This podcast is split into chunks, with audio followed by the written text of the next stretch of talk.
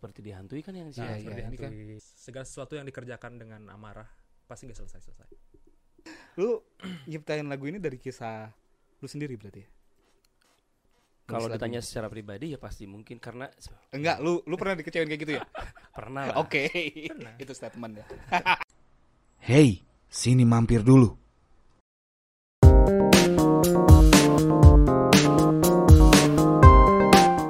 Setelah sukses mengeluarkan single yang bertajuk Lara di bulan Oktober tahun 2017, akhirnya di tahun 2021 ini di bulan Januari mereka mengeluarkan single terbaru yang bertajuk Dendam. Siapa ya dia? Langsung aja kita sapa. Apa kabar? Dialog Senja. Eh, Baik. Tegang amat anjir. Alhamdulillah. Grogi, Baik, eh. grogi. eh, asli. Aduh, santai ini. Aduh, harusnya terbalik saya yang grogi nih. Gimana nih kabarnya Raden, James? Alhamdulillah baik, Bang. Baik. sehat sehat sehat Sehat-sehat ya. Aduh. Jadi bro, lu sekarang ngeluarin single dendam ya? Mm. Single dendam. Tapi nanti sebelum kita mau bahas eh, tentang single dendam itu sendiri nanti. Tapi sebelum itu gue mau tanya dulu nih. Ini single Lara dulu eh, keluar tahun 2017 ya? 2017. 2017. Dan sekarang tembus view di eh, 35 juta 900, hampir 36 juta. Gimana tuh rasanya tuh? Gimana ya? Enggak sih sebenarnya eh mungkin karena diawali dengan yang enggak terlalu dipatok harus berapa gitu.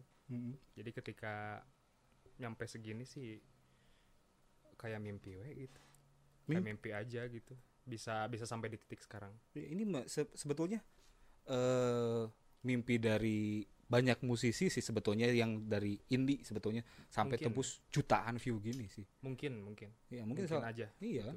Ya, kan kalau misalnya bikin karya mana mungkin gak mau didengar sama orang, gak sih? Betul. Betul betul. Gitu. Ah. Ini kenapa sih pada pada serem gini? belum aja, Pak. Belum aja belum belum keluar aja. Oh, belum panas ya, belum, Belum panas, panas, ya. Kita biasa. panasin dulu. Berjudul Lara dia dulu ya. Ini eh, waktu tahun 2017 waktu keluar itu ya. Mm. eh, se- ini sebenarnya video klip dulu atau lagu dulu sih ininya yang keluar? Sebenarnya EP dulu. EP, Oh, EP dulu, dulu. jadi EP dulu ada lima lagu. Mm-mm. Waktu itu udah dilepas di YouTube semua. Mm-mm. Waktu dulu sebelum video klip dalam 2016-an 2017 akhirnya di remake ulang. Remake Hmm. ulang Nesi Lara ini dan akhirnya ya ada yang ngajakin bikin video klip ya. Dibikinlah video klipnya Oke. gitu. video klip Lara jadi kita nggak single gitu jadi Oh, maksudnya pertama keluar itu udah ngeluarin EP langsung Oh langsung keluar EP dulu EP, berarti nggak- ya? nggak ngeluarin single sama sekali malah. Oh, berarti gue yang salah. Iya. Oke. Kurang riset. Oke oke oke. Berarti EP dulu ya? EP dulu. EP dulu. Oke, IP dulu la- tapi yang orang lain tahu kebanyakan dari ini sih lagu si ini laranya ya si ya, laranya gitu sebelum IP kebanyakan Ya. orang ya Eh, karena yang banyak ada di TikTok di mana gitu Hmm. yang di YouTube cover lagunya ini gitu Ya. Ya. ini banyak yang cover loh orang Banyak banyak. udah ditontonin Ya. Memang banyak. banyak ya Banyak itu sekali. gimana tuh ada yang sampai ngecover eh video klip video klipnya tuh yang Hmm. paling gua jengkel tuh ada yang Jadi- sampai niruin loh niruin loh Ini lucu sebenarnya. Eh, Itu kan di luar apa ya istilahnya di luar kapasitas kita nggak bisa ngefilter juga siapa yang mau cover ya itu Hmm. hak mereka semua. Cuman lucu aja ketika banyak yang respon, banyak yang Hmm. bikin video klip, bahkan video klipnya di cover bukan lagunya lagi gitu kan. Mm. Jadi buat kita mah itu sebuah apa ya hadiah aja mungkin dari mereka apresiasi dari mereka gitu ke Hmm. kita. Ya kita ikut senang aja liatnya. Kadang ada yang lucu juga gitu kan yang covernya sampai total gitu, total covernya sampai bahkan ada yang cover lebih bagus dari kita deh kayaknya. ada gitu. beberapa terus video-video nya yang kayak klip-klipan mereka bikin itu lebih bagus dari kita kayaknya ya Hmm. udah ada, Hmm. ada beberapa saya pribadi sih sering ngeliatin mulai dari tagannya di Instagram atau secara eh, iseng ngetik dialog senja cover itu banyak banget dan saya satu persatu kasih like dan Nah, fun fact-nya Oh. Dialog Senja itu personel-personelnya itu sebenarnya adminnya gitu. Oh, Jadi gitu. ketika Jadi eh, si fanbase-nya itu sendiri eh, ini ya adminnya nggak ada fanbase mah. Nah, itu anehnya itu kita itu anehnya ya. kita gak punya fanbase sampai, sampai Oh. sekarang karena kita merasa apa ya belum belum apa Belum ya, pantas belum pantas gitu kayaknya Oke. kalau harus membuat fanbase di, Ya. dari di level sekarang Jadi kalau orang nanyain eh si Dialog Senja ada fansnya gak? Gak ada. Maksudnya nggak ada nama. nama ya penama Kayak kayak misalkan Salon Seven Sela Gang. Mm-mm. misalkan Slankers kalau kotak gitu. ya. Ya, Ah, kot- Kerabat kotak, kotak. kerabat ya. Kerabat kotak? Kerabat bro. kerabat Kerabat. kotak Ah. belum ada. belum Oh. ada sama sekali Gila udah 35 juta view, udah banyak yang cover belum dikasih nama. Kita itu kadang eh, ngerasa biasa-biasa aja karena ekspektasinya itu emang nggak terlalu tinggi ya. Mm-mm. karena pada di awal kita bikin juga karena emang ya ngalir aja gitu gak ada gak ada tujuan tertentu pengen kayak gimana gimana gitu Oh, gak ada ekspektasi matok harus wah viewersnya harus 10 juta harus 20 juta enggak ya tapi Enggak ada sih Den. Dulu saya lima ribu. nah lima ribu paling gitu kan paling sepuluh ribu lah gitu Lima ribu. waktu dulu paling matoknya kayak gitu doang Oh, berarti eh menurut lu gak terlalu penting fans. fans itu penting Oke. cuman dalam segi penamaan belum pantas aja kita gitu buat Oh, bikin gitu Oke. menurut kita ya Menurut ya Tapi mungkin ada- kalau misalkan ada pendengar atau teman-teman mau bikin fanbase, silakan aja ya. silakan aja kita kita sih punya rencana udah ngobrol beberapa kali kita harus meng apa ya, lebih dekat sama Kayaknya harus dirumahin Ya, deh gitu, harus kayak dirumahin si harus pendengar dirumahin. kita gitu Iya. kita udah ada ada namanya gitu ada nama Udah sih ada ada nama. beberapa nama Oh, udah ada sebetulnya, cuman nanti belum cuman belum dipublish aja publish ya. Oke. gitu Wah. so anjing so enggak kayak so man Aduh.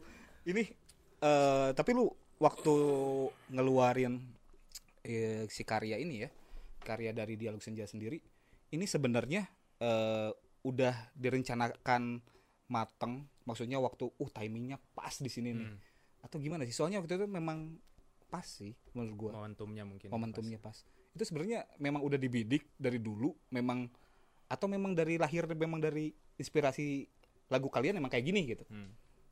mau siapa yang jawab sederhananya sederhananya gini Hmm. eh, kita itu emang berdua ini emang polos gitu kan Iya. kita itu memang polos kita itu cuma berkarya aja taunya kita itu cuma berkarya aja udah Oke. berkarya terus lihat plat- platform YouTube ya udah itu gratis free kita masukin aja udah kayak gitu sederhananya segitu Oh. jadi nggak ada plan oh Iya. kita tahu pasar kita nggak ada enggak gitu Oh. maksudnya malahan karena dialog senja sendiri kita jadi tahu gitu Mm-mm. jadi tahu harus step stepnya kayak gimana gitu bergerak di industri itu kayak gimana gitu Dan kenapa harus musiknya jenis musiknya ini? Ini apa sih disebutnya jenis musiknya? Eh, pop Folk, pop, apa Pop. folk? pop mungkin kita kita kita sih nyebutnya pop Oke. kita sih nyebutnya pop kalau mau orang lain nyebut folk sih ya Boleh. silakan gitu kita cuma nyebutnya pop aja gitu pop Oke. karena kita kan ya musik populer gitu musik populer pada waktu itu dan dari segi chordnya pun masih emang masih dalam pop, progresi progresif pop. Oke. Itu kenapa harus jenisnya yang ini gitu maksudnya? Ya isinya dengan formasi berdua gitu. Hmm. ya Berdua akustik kan? Ya. Nah, kenapa harus kayak gini gitu? mungkin lebih jujur deh Lebih musik jujur. ketika kita buat musiknya seperti ini mungkin lebih jujur gitu Hmm. dibanding kita buat musik dengan genre lain yang nggak bukan kita sendiri gitu Oh. Kalau saya sih pribadi Ah. mikirnya kayak gini, eh dulu itu nggak ada gitar elektrik yang Nah, emang itu juga. proper juga gitu. Ada gitar akustik pun itu pakai gitar akustik buatan custom kita Iya. rekaman ya kayak gitulah. Sederhana. sederhana itu Kita nggak ada drum, apalagi studio-studio Sukabumi itu lumayan susah dan waktu itu mahal juga sih buat Untuk rekaman take ya. untuk rekaman eh, live drum gitu Jadi ah udah deh. dia mensiasatinya kayak gitu eh kita nyobain akustik aja dulu. gitu. Oh, jadi perjalanannya sebenarnya bikin tag-nya sendiri dulu ya? sendiri dulu Wow. yang EP itu semuanya sendiri Wow, sendiri. yang EP itu sendiri Oh, produksi mixing gitu sendiri. Iya, Record. sendiri, iya. Oke. Dengan budget dengan budget semurah-murahnya. semurah-murahnya gitu dengan budget semurah-murahnya yang penting harus ada gitu cuman mungkin Keren. ketika waktu itu momentumnya pas aja Heeh. ketika yang lagi hype-nya seperti itu dan kita beririsan langsung dengan yang hype-nya waktu itu.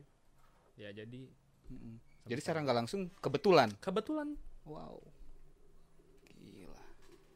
Kebetulan sampai 35 juta kebetulan yang sangat.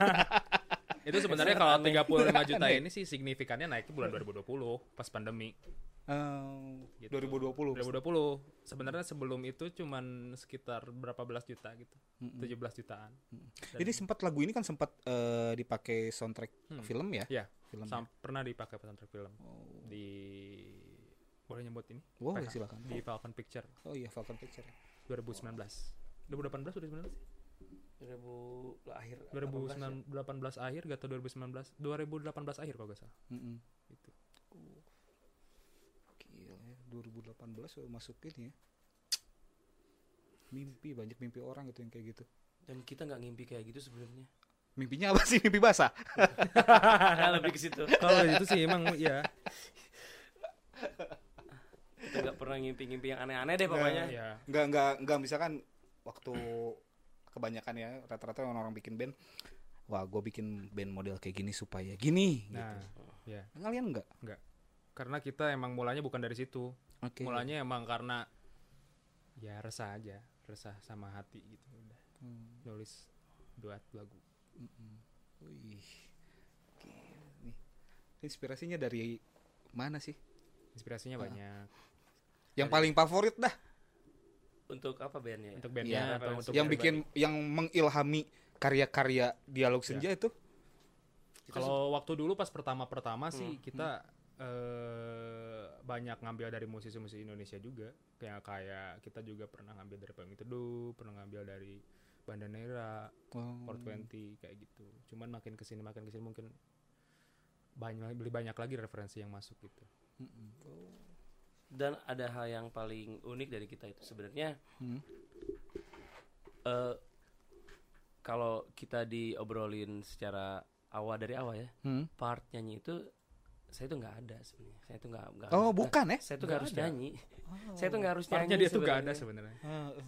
harusnya tuh Aden emang penyanyinya. Maksudnya tuh Iya, emang iya. saya gitaris Aden nyanyi gitu. Ah, ah. harusnya seperti itu. Tapi karena suatu hari kita itu nggak sengaja ngis Aden ngisi tag udah beres nah di akhirnya ini gak nyampe nggak nyampe ya. Terus saya nyoba masuk nyanyi nyanyi nyontoin aja. Hmm. tapi di mixing mastering oh lumayan jadi malah jadi itu? Jadi kunciannya itu. Eh, Jadi sering, sering kunciannya- dipakai di TikTok iya ini ya. makanya itu. Jadi kunciannya malahan jadi itu. Itu dari hal yang gak sengaja kayak gitu sih sebenarnya. Oh, Lucu ya banyak berarti. ya? ajaibnya ya sebenarnya ngobrolin proses awalnya gitu. Oh gitu. Jadi berarti bukan dilahirkan konsep lu nyanyi lu nyanyi gitu. Enggak. Lu part yang bagian Hmm. keras agak supaya ada sentuhan rocknya sedikit. Enggak enggak gitu. nggak ada. Oh. Justru kita kadang malu sebut ada rocknya gitu nggak ada sebenarnya ada mah ah jalan aja gitu begitu dengan begitu saja gitu berkaryanya gitu cuma penyanyi tanpa teknik ya kita emang pernah penyanyi nggak ada teknik maksudnya kamu menggunakan saya menggunakan teknik yang, yang fatal banget nyanyi suatu tenggorokan Ah. sampai habis sampai gitu. habis suara tapi pendengar suka mungkin ya lihat saya kesiksa gitu Lu basicnya lu bukan vokalis berarti. jauh banget Oke. vokalis sebenarnya vokalis band metal cuma Oh. Dulu, dulu, dulunya. dulu ya. Dulunya vokalis band metal gitu Mengerikan sekali ini. ini ngomong-ngomongin dendam nih ya. Ini sebenarnya siapa sih yang dendam? Kalau dendam teh saya pendendam teh Oh. Ya. Eh, bentar, bentar. Teh. Oh, sebenarnya asli mana sih? saya Sunda bre Oh, Saya Sunda. Sunda Oh. Sunda Sebenarnya waktu dikirain tuh bandnya band dari daerah Jogja gitu, Jawa Tengah gitu. Bukan ya? bukan Oke. mungkin karena video klip video Ya. klip si Lara doang sebenarnya di Jogja Oh, jadi kecapnya band Jogja orang-orang bilangnya gitu tahun klip Lara di Jogja. Cover yang itu di Jo- sesuatu di Jogja Ya, di Jogja. harus di Jogja. Eh, di Jogja. iya Oh, totalitas ya ternyata ya. Bener ya, gue baru nggak tuh. sesuatu di Jogja, rekamnya di Jogja ya. di Jogja Wah, gila. sekalian sih itu Oh, sekalian. Bukan sengaja pengen ngerekam itu. enggak sekalian itu. Oh, sekalian. sekalian sekalian aja mumpung di Jogja Waduh. Ini ngomong-ngomongin dendam. Lu emang pendendam? bisa jadi sih sebenarnya Oke. Kelihatan mukanya serem kan? tapi sekaligus pecinta juga Bucin. tentunya Oke. lu nyiptain lagu ini dari kisah lu sendiri berarti ya? Kalau lagu ditanya secara pribadi ya pasti mungkin karena sebenarnya kan lagu ini Hmm. diciptainnya bareng ya Mm-mm. hmm, sama Raden, tapi mempunyai arti tersendiri mungkin ya. Hmm. buat pribadi Ya, masing-masing buat pribadi masing-masing. jadi punya versinya dendam beda terus dituangin Jadi si dendam yang di dalam lagu ini sebenarnya dendam tentang apa sih? garis Ya, besarnya garis besar. se- secara garis besarnya sih kecewa gitu Oh kecewa. garis besarnya kecewa tentang cinta, tentang Bisa tentang bisa apa tentang aja, cinta universal. bisa tentang Oh. pertemanan Oh jadi universal ya? Ya, Nggak universal. nggak di garis besar. Itu tergantung yang denger ya. Ya. Gitu. Jadi si kalau saya mengawali dari kan selalu selalu gitu dah. Kalau nggak Raden, saya yang mengawali dulu buat kalau bahasa Sundanya itu ngabalakan gitu. Heeh. Jadi kita mulai misalkan Aden bikin musiknya tiba-tiba saya nyeletuk, "Ih, nyanyinya kayak gini deh. Ini ini ini liriknya deh." Dan gimana Den kalau misalkan lagu yang ini saya pengen nyeritainnya kayak gini. Dulu gini. Dan lagu ini itu harus nyeritain kayak gini Den. Eh seseorang yang eh, dihianati, memaafkan, kembali lagi, dihianati lagi, pergi, datang lagi dianya, memaafkan lagi kita dan akhirnya kita udah muak dengan fase-fase kayak gitu. Akhirnya ya udah deh sebodoh. Hmm. Paham, malahan kita jadi benci gitu. Saya dulu ngomongnya kayak gitu. Oke, kita bikin. Gimana kalau gini ya, Aden gitu. Dan akhirnya ya jadi penuh lagunya. Oh berarti lu pernah dikecewain kayak gitu ya? Saya rasa sih semua orang pernah deh dikecewain kayak gitu. Enggak, lu lu pernah dikecewain kayak gitu ya? Pernah. Oke. Itu statement ya.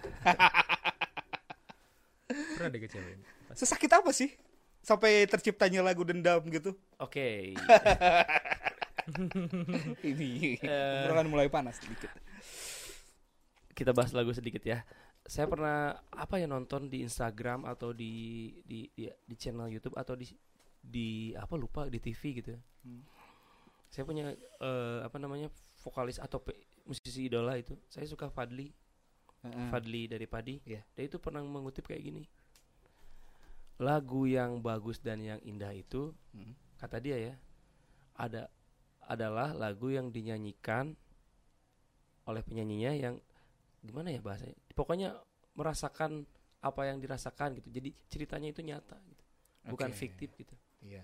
nah itu saya langsung wah benar berarti kita harus bikin lagu yang yang terjadi sama diri kita sendiri kayak Hmm, gitu maksudnya gitu iya. Dan itu terjadi. dan terjadi Dan itu terjadi. sama banyak orang tetap Oh. bela itu yang ngeles ya. dan terjadi sama banyak orang gitu Lu, lu berarti sakit banget ya gitu ya. Datang pergi, datang pergi. Siapa sih yang gak, gak sakit gitu digituin Oh iya. Iya, iya. kan? gitu siapa sih yang gak sakit digituin Jadi ter- terlahirlah lagu dendam. lagu Ya. dendam Duh, gila nih. tapi ya jadi orang gak boleh dendam ya bang sebenarnya Ya. Laki-laki cowok? dendam. Eh laki-laki cewek? Cowok cewek? laki-laki dong Oh, dendam sama laki-laki. cewek lah cewek bangsat Oh gitu. Yang mana ya? Ceweknya ya? Aduh, gue penasaran. ya pasti satu sih Oh, gak banyak oke. Aduh, nih ya cewek yang ngerasa ngegituin nih yang denger nih lagu nih buat lu tuh. cowok juga sih sebenarnya Oh, cowok juga ada. ya kan lu bilang tadi ceritanya universal. Iya. iya universal berarti cowok gak apa-apa Makanya gue tanya cewek cowok gitu kan. Iya, iya. cewek cowok berarti lah Oke. biar aman men Oh biar aman. Aduh.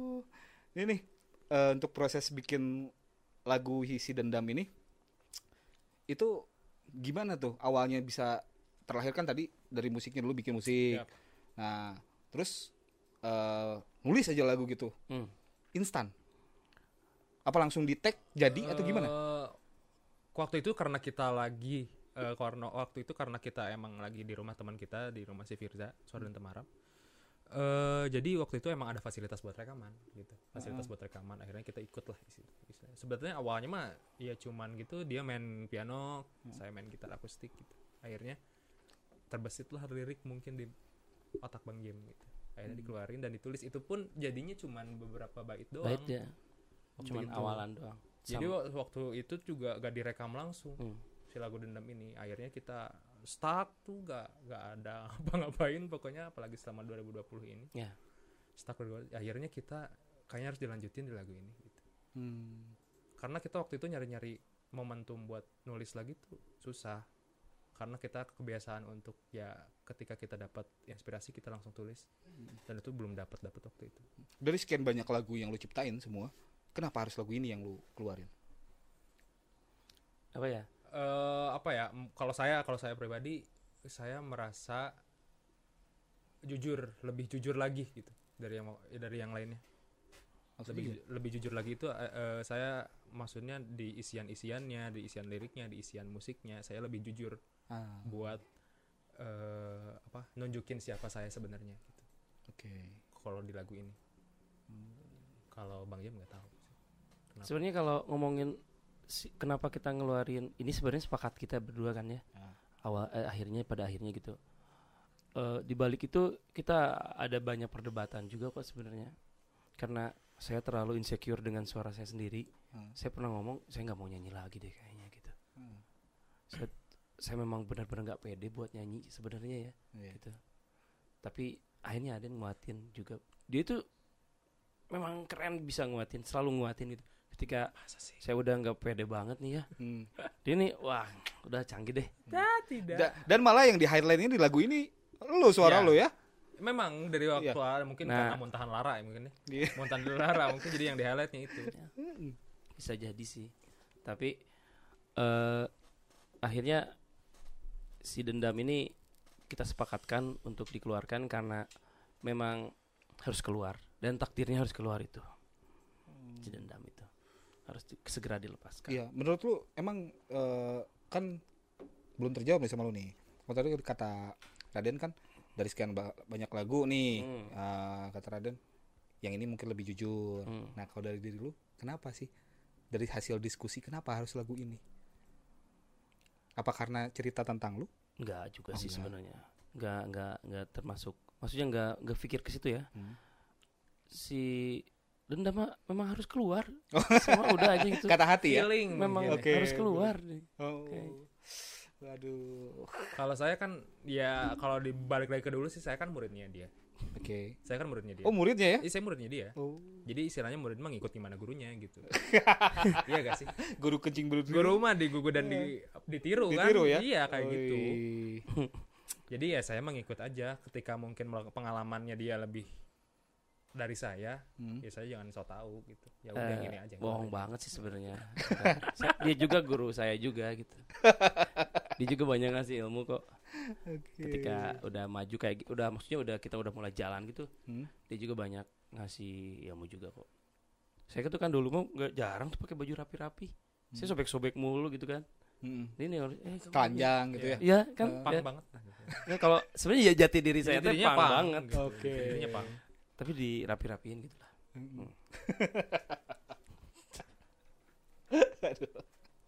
Ini nih, eh tadi itu ya. Ngomongin balik lagi nih, ngomongin masalah ketakutan nih ya. Lu waktu eh, bikin single Dendam ini tadi lu ceritakan ya tentang proses si bikin Dendam ini tuh istilahnya meleburkan ketakutan lu pada bikin single lagi. Hmm. Gitu kan? Karena ada beban tersendiri dari si Euphoria Si single Lara ya sebelumnya. Gitu kan. Nah, ini gue mau tanya nih. Gue mau tanya nih. Dari eh apakah dari rasa ketakutan itu berarti lu harus ngeluarin budget banyak nih untuk si dendam ini nih? sebenarnya kalau misalkan dikata banyak juga enggak juga ya Tunggu dulu tahu dari mana tahu budget dari mana ada banyak. budget Gila. banyak gitu Ih, Gua gua lihat tuh ya di postingannya ya. Digarapnya sama apa? Direkturnya tuh Mas Pri, ah Mas Priangga. Priangga Prianggara Pria ya. enggak Ah itu gua Priangga. susah nulisnya. Itu yang ngegarap eh, video klip Raisa kan? ya beberapa Mahal bulan pasti. sebelumnya garap video klip Raisa Oke, itu mahal pasti kan. Terus eh, foto sama Michael Aldo ya? sama Mikael Aldo Michael. Aldo tuh. Mahal dong. Se- sebenarnya apa ya ukuran mahal mah enggak di enggak Nah, enggak ini nih dipatok yang yang sebagai- yang yang bedanya kita sama mungkin ya sama orang lain. Hmm. Eh ketika kita suka tuh ya nggak ada tuh perasaan mahal-mahal gitu ya Oke, Ah. masuk. Ya. Kan? Ke- ketika suka- kita nggak ada tuh perasaan mahal kita mah mending terus aja maju gitu hajar aja berapapun kata orang mahal kalau hati kita udah oke mah Kebahagiaan kayaknya ya. nggak- itu mah kebahagiaan mah nggak bisa dibeli kebahagiaan yang itu susah lebih itu ya. lebih lebih ke apa sih kepuasan batin puasan juga batin pribadi aja gitu Oh. ketika emang garapnya pengen serius akhirnya Ya, eh, apakah memang lu pakai videografer mahal sama Eh. fotografer mahal tuh ya? Apa karena memang gengsi lu tuh ini yang gak mau turun tuh? kalau saya saya jawabnya ya Hmm. eh gimana rasanya kalau misalkan seorang band yang muncul dari daerah ya kan Oke. itu semua digarap dengan keterbatasan Hah? Hmm. impian semua musisi itu nggak ini pasti semua musisi impiannya kayak gini pengen nyobain ngerasain treatment eh digarap produksinya secara profesional Oke. nah itu kita Iya sih. Ya. Emang. itu yang kita garis bawahi Hmm. kita tuh pengen ngerasain gimana sih rasanya Hmm. digarap profesional gitu Tapi kan masalahnya gini, Bro. Ini eh budgetnya nggak sedikit. Memang memang, memang Budgetnya nggak- sedikit kan? memang nggak sedikit. Sedikit. Maksudnya you eh lu lak- yakin gak sih ini bakal bisa balik modal? Nah, karena kita mulainya dari kepuasan diri sendiri itu, kepuasan batin itu, jadi kita mah nggak matok harus balik modal juga sebenarnya. Oh. Balik modal mah bonus lah itu mah. Oke, oke. lagian kita mah nggak nggak ngeluarin duit kok kita mah dibiayain tuh sama Yahudi ya Enggak gini loh maksudnya. Lu lu berdua kan ya? Ya, ini band indie kan? Indie wo- Independen. Dari independen dari duit sendiri, rekaman sendiri, segala macam modal Ya. sendiri kan? Hmm, betul. Modal sendiri. Enggak ada yang ngebiayain. Lu bisa ngeluarin uang sebanyak itu untuk digarap sama profesional, berani gitu maksud gua berani. Hmm. Kadang-kadang kan kalau gue pribadi sih ya, kalau gua pribadi eh, mikir lagi gitu loh. Hmm. Mikir lagi.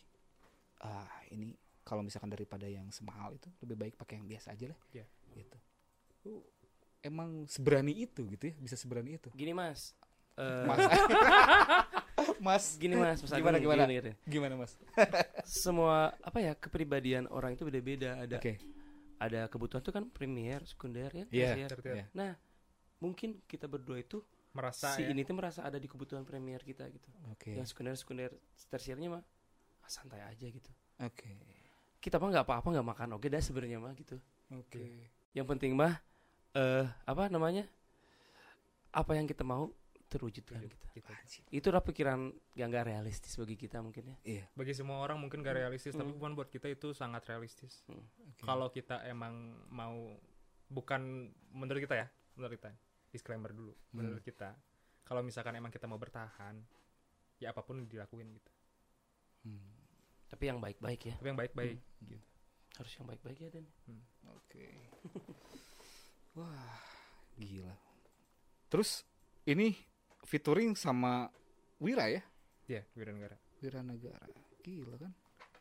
Itu maksudnya gimana tuh? Kenapa nggak pakai siapa gitu? Yang dari sini dari Sukabumi misalnya. Hmm. Siapa yang dari Sukabumi ya tuh siapa Siapa siapa, misalnya Sukabumi? siapa gitu yang pembaca Siapa coba? sajak Eh, siapa gitu yang terus kan teman-teman banyak Hmm. ya kenapa nggak teman-teman Iya. lu siapa gitu Karena ada ini, ada kesempatan. ya kesempatan Ada kesempatan. Ada kesempatan di situ dan memang sosok Wira ini menurut kita Hmm. cocok untuk ngisi partnya di Dialog Senja. Oke Karena dia kan se- seorang penulis juga, Hmm. penyair ya. dan itu yang nulis komika Komika. komika kan TikToker itu kan komika TikToker. yang gua tahu tuh dia komika gitu ya, komika. Cuman kan di sesudah dia komika, mungkin dari dulu dia emang penulis. Gitu. Iya, Dia emang sih di apa beat-beatnya dia juga suka Iya, dia penulis itu kan. kan. Ya. Dan yang dia tulisin pun itu di luar kapasitas kita. Kita gak bisa nulis kayak gitu. Oke, dan yang isi di lagu dendam itu tulisan siapa? dia Tulisan tulisan di Dagu Dendam. Iya. Itu tulisan dia. Oh, yang my apa God. yang sajak bagian dia kan Ya, saja bagian itu bagian dia. Itu kita gak ada kita gak ada intervensi sama sekali nggak mau harus kayak gimana. Mas Wira isi sesuai hati kamu aja. Wow. kita cuma ngejelasin ini lagunya tentang, Tentang ini doang, udah. Itu doang.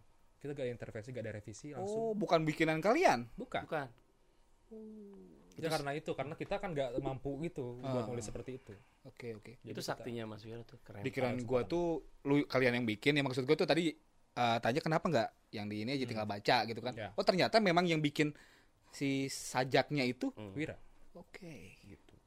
itu seajaib itu tuh kata-kata pujangga banget tuh Oke. Ya bahkan part favorit saya di lagu itu pas dia ngomong, yang di- ngebangun atmosfernya tuh dia, menurut kita. ya.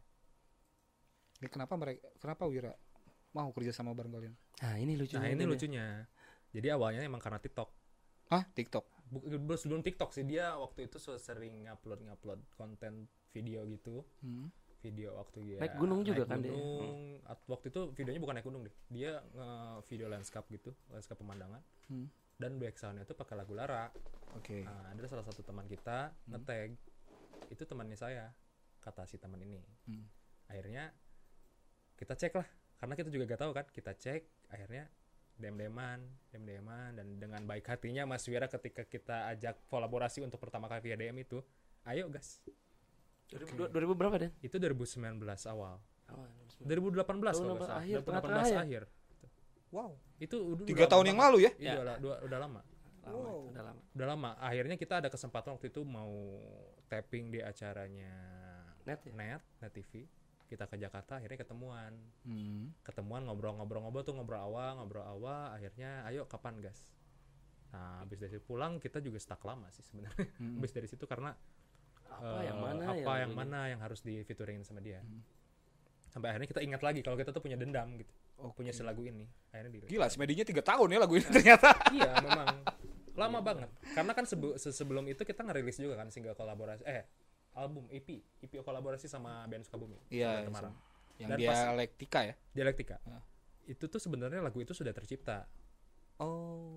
pada proses penggarapan si dialektika itu si lagu dendam itu udah tercipta Oh. cuman udah. kita simpan buat dialog senja gitu sampai akhirnya eh, kita nemu orang yang pas ngisi porsi di situ Hmm. dan punya keberuntungan untuk bersempatan dengan Wira Negara Hmm. lebih bersyukur banget ya Den lebih bersyukur banget gitu akhirnya Oh. Oh gitu ya ternyata ya. Jadi proses si bikin lagu ini nggak nggak cepet ya, Nggak cepet. lama ya. sangat ternyata. lama Wow. Jadi waktu keluar tuh memang pengen benar-benar puas berarti ya sebenarnya. Gila. gitu udah lama kan pas keluar tuh enak nah itu yang paling Paling apa? diidam-idamkan lelaki Oke. dan saya itu Lelaki seperti siapa? laki versi saya lah Oke. nggak ada obat pokoknya harus Gas. murni ya organik pokoknya harus organik nih akhirnya tuh lama tuh kan tiga tahun kita Tiga tahun. Hmm. untuk meracik ini Tiga tahun baru keluar lagi. Hmm. Aduh. Jadi si dendam ini universal ya tergantung yang denger ya berarti. tergantung yang dengar gini, kita pilih yang sekarang ngomongin video klip nih. Coba kita preview sedikit nih video klipnya nih. Ya. Ah, coba coba. Oke. Ini gue mau liatin ini nih. Ini gue ada pertanyaan nih ya banyak nih sebenarnya di sini. Gue pengen tahu sih sebetulnya. Ini di video klip sendiri nih ada cewek nih ya Yap. pakai baju merah. Hmm. Ini maksudnya apa sih? Ini tuh siapa gitu? Itu mbak Pel itu tuh Bang Vela Oh iya. modelnya. Modelnya. Enggak maksudnya di lagu si Ada dendam lagu ini ha. jadi yang kita waktu itu kan kita waktu itu kol- kolaborasi juga sama Pria Langga kan? Iya. kolaborasi sama Mama Pria Langga akhirnya ya seperti gitu tadi seperti biasanya kita selalu gak mau ada intervensi. Hmm. jadi Mas tolong respon lagu ini dulu. Baru ntar kita ngomong bareng-bareng bagusnya digimanain. Oke. Akhirnya dia buat nulis skrip.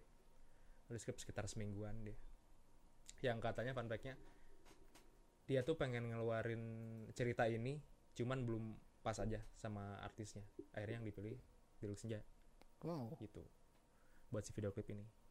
Jadi menurut yang ditulis si cewek yang pakai baju merah ini menggambarkan si orang yang mengecewakannya. Oh ini orang yang Ya, mengecewakannya orang yang mengecewakannya. Oke. Orang yang dikecewakan itu yang si cowoknya.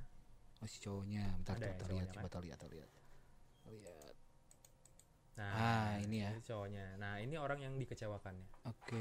digambarkannya seperti itu. Dan ini orangnya lagi apa ya? eh meluk telur ya? Ya mengegar menggang sangkar Sangkar telur ya, burung. sangkar burung gitu, Tapi ini telur apa ini? warna merah. Ini telur telur kuning ngomong kuningnya. tomat loh. Oh bukan oh, bukan tomat bukan. Bukan. Oh, Itu sebenarnya telur. telur. Telur Ini simbolis apa sih telurnya? Simbolis eh apa ya? Si rasa dendamnya. Rasa dendam yang belum ditetaskan gitu. Oh. Ini simbolisnya ya. Simbolis. Nah. Jadi sebenarnya si cowok ini tuh kayak delusi kayak gitu loh. Oh. Gitu. Si cowok ini ya. Mm-mm. Jadi dia tuh eh, emang udah apa sih dengan segala beban hidupnya gitu akhirnya dia Heeh. Mencari jalan-jalan keluar dan akhirnya ketemu di sebuah hutan, ketemu ranjang Mm-mm. yang di yang di tengahnya tuh ada apa namanya? Ada si sangkar burung itu. Mm-mm. Dan itu gak tahu dia tuh sebenarnya gak tahu kalau itu tuh rasa dendamnya dia. Oh, gitu ceritanya. Nah, akhirnya dia tertarik lah. Tapi ada ketertarikan dia untuk maju ke situ dan eh, ngambil si sangkar burung itu. Dan dia rawat, Mm-mm. dirawat, dia bawa ke mana-mana gitu. Sampai akhirnya ada di satu scene Mm-mm. kalau yang ngeliatin kalau si yang si ketika dia ngambil si sangkarnya itu, si ceweknya itu ketawa jahat gitu. Iya. Nah, ada ada scene itu kan. Iya. Nah, itu ngegambarin kalau misalkan ternyata kamu tuh kejebak lagi loh gitu. Sama kayak tadi ceritain. Oh, Oke, iya iya iya. kamu tuh kejebak lagi sama perangkapnya saya gitu. Mm-mm. Nah, akhirnya sampai akhirnya dia sadar lah. Akhirnya dia sadar ke mana mau dibawa-bawa ternyata dia sadar kalau itu tuh orang yang ngecewain dia dan rasa dendam dia. Akhirnya dia kubur. Terakhirnya gitu. di di akhir kan itu ada yang scope itu kan Dia Iya. dia ngubur. kubur Literally kan dikubur kan ya? dan muncul lagi Dan muncul lagi. Nah, itu pertanyaannya kenapa muncul lagi? Menurut Mas Priela enggak yang gitu. Segala sesuatu yang dikerjakan dengan amarah pasti nggak selesai-selesai. Oh, dalam ya ternyata. Akhirnya dia muncul lagi. Jadi intinya teh sebenarnya harus memaafkan sih sebenarnya Sebenarnya harus healing akhirnya harus memaafkan, harus nyembuhin diri dulu gitu baru ngeikhlasin gitu. Dan nggak dengan rasa dendam itu dia ngubur gitu. seperti dihantui kan yang sih Iya, seperti iya, ini kan- itu kan. Ini konsepnya agak-agak serem. Ada creepy horor ya? Hmm, serem ya. tapi modelnya favorit saya banget ini Oh, ini suka ya. suka banget saya suka keren deh pokoknya artistik banget orangnya Bukan. Total gitu. Hmm, yang saya total. suka itu dia tuh total. Hmm. Sampai ada scene dia jatuh, yang bener jatuh itu dia beneran jatuh. Wow. Dia jatuhin diri yang kayak itu tuh di sana tuh ranting semua, Iya. ranting batu tanah yang memang kering-kering Heeh. dan dia jatuh gitu. Wow. Gak peduli dia mau luka atau kayak gimana. Yang penting total. Itu sih. Ini ya. Nah, itu yang tadi cowoknya namanya Mas Khalid itu Oh, ini Hmm. Ya, itu orang Bandung orang Bandung. orang Bandung ya. nah yang tadi yang modelnya Mbak Vel itu orang Jogja ya Oh, Jogja juga ya. Datanginya juga. Ini syutingnya di mana? di Bandung. Oh, di Bandung ya. Bandung. dan yang ngegarap kita itu dari Malang Wow. ya Dan yang Mas Wira itu dari Purwokerto dan Mas Wira itu dari Purwokerto naik motor naik ke motor Bandung. Gila ya. Gila. Aduh. Demi dialog senja nih. Ya makanya shout out untuk teman-teman yang sudah bantu ya Mas Wira, Hmm. Mas Pri, Mas Aldo, terus hatur nuhun pisan. Dan ini lu bertiga ini sebagai apa nih maksudnya di sini pakai baju putih? Sebenarnya sih kita mah cameo, cameo aja gitu Cameo ya. ya. Biar kayak Oh, Stanley gitu kan. saksi mata lah gitu Iya, saksi Oh. mata tapi sebenarnya emang cameo aja lewat cameo aja doang. lewat-lewat. Oh. Kenapa pakai warna putih ya biar agak kelihatan aja. Oke. biar kelihatan soleh aja dan Biar kelihatan polos. Nah. Itu pada gembil-gembil tuh efek pandemi itu. Ini kenapa sih si mbaknya ini tuh pakai baju merah? itu kan sama kayak telur warnanya. Mungkin karena simbol amarah ya mungkin ya. Iya. Simbol merah tuh identiknya mungkin sama Merah itu. amarah dan antagonis gitu. simbol marah bukan partai bro Ya. Ini eh, bukan berarti apa ya namanya? Kalau di dunia metafisik itu yang kalau misalkan yang putih yang merah itu biasanya ilmunya lebih tinggi gitu. Hmm. Iya. Bukan itu. nggak tahu Gak tahu juga sih. Kalau misalkan ada jangkut pautin ke situ juga seru juga kayaknya. Oh. Bikin gua ke situ. kuntilanak merah maksudnya Ya, Iya, maksudnya gitu kan kalau katanya sih gue juga nggak tahu. Katanya kan kalau misalkan si kuntilanak warna putih tuh eh, kalau yang warna merah tuh lebih tinggi ilmunya katanya. Tapi Gitu. ngomong-ngomong ini sebenarnya bukan dia bukan kuntilanak. Bukan, Kalau ya? di video klip ini sebenarnya bukan kuntilanak ya guys ya. Oh, Bukan.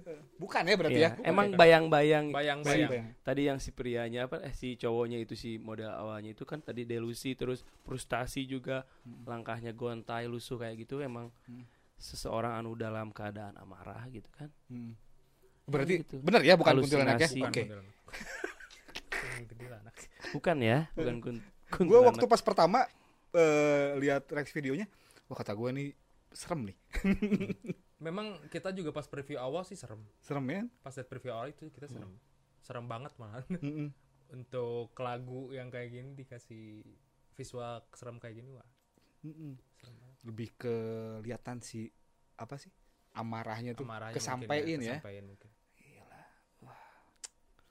Dan lagu ini tuh eh menurut gua ya cukup berat sih didengarnya. Kenapa tuh? Gue sebagai pendengar ya cukup berat. Eh, nggak tahu kenapa. Nggak apal-apal. Oh apa-apa. Ah. Berarti lagunya jelek.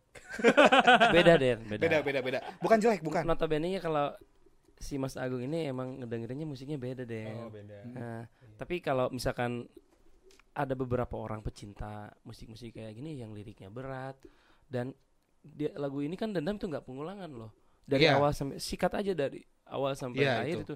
beda gitu terus eh, si ada segmentasinya yang pendengarnya tuh harus emang pasarnya ini gitu Hmm. bukan bukan eh, untuk apa ya umum gitu istilahnya Iya. Jadi eh, si single dendam ini berarti secara nggak langsung nyaring pendengar lu ya.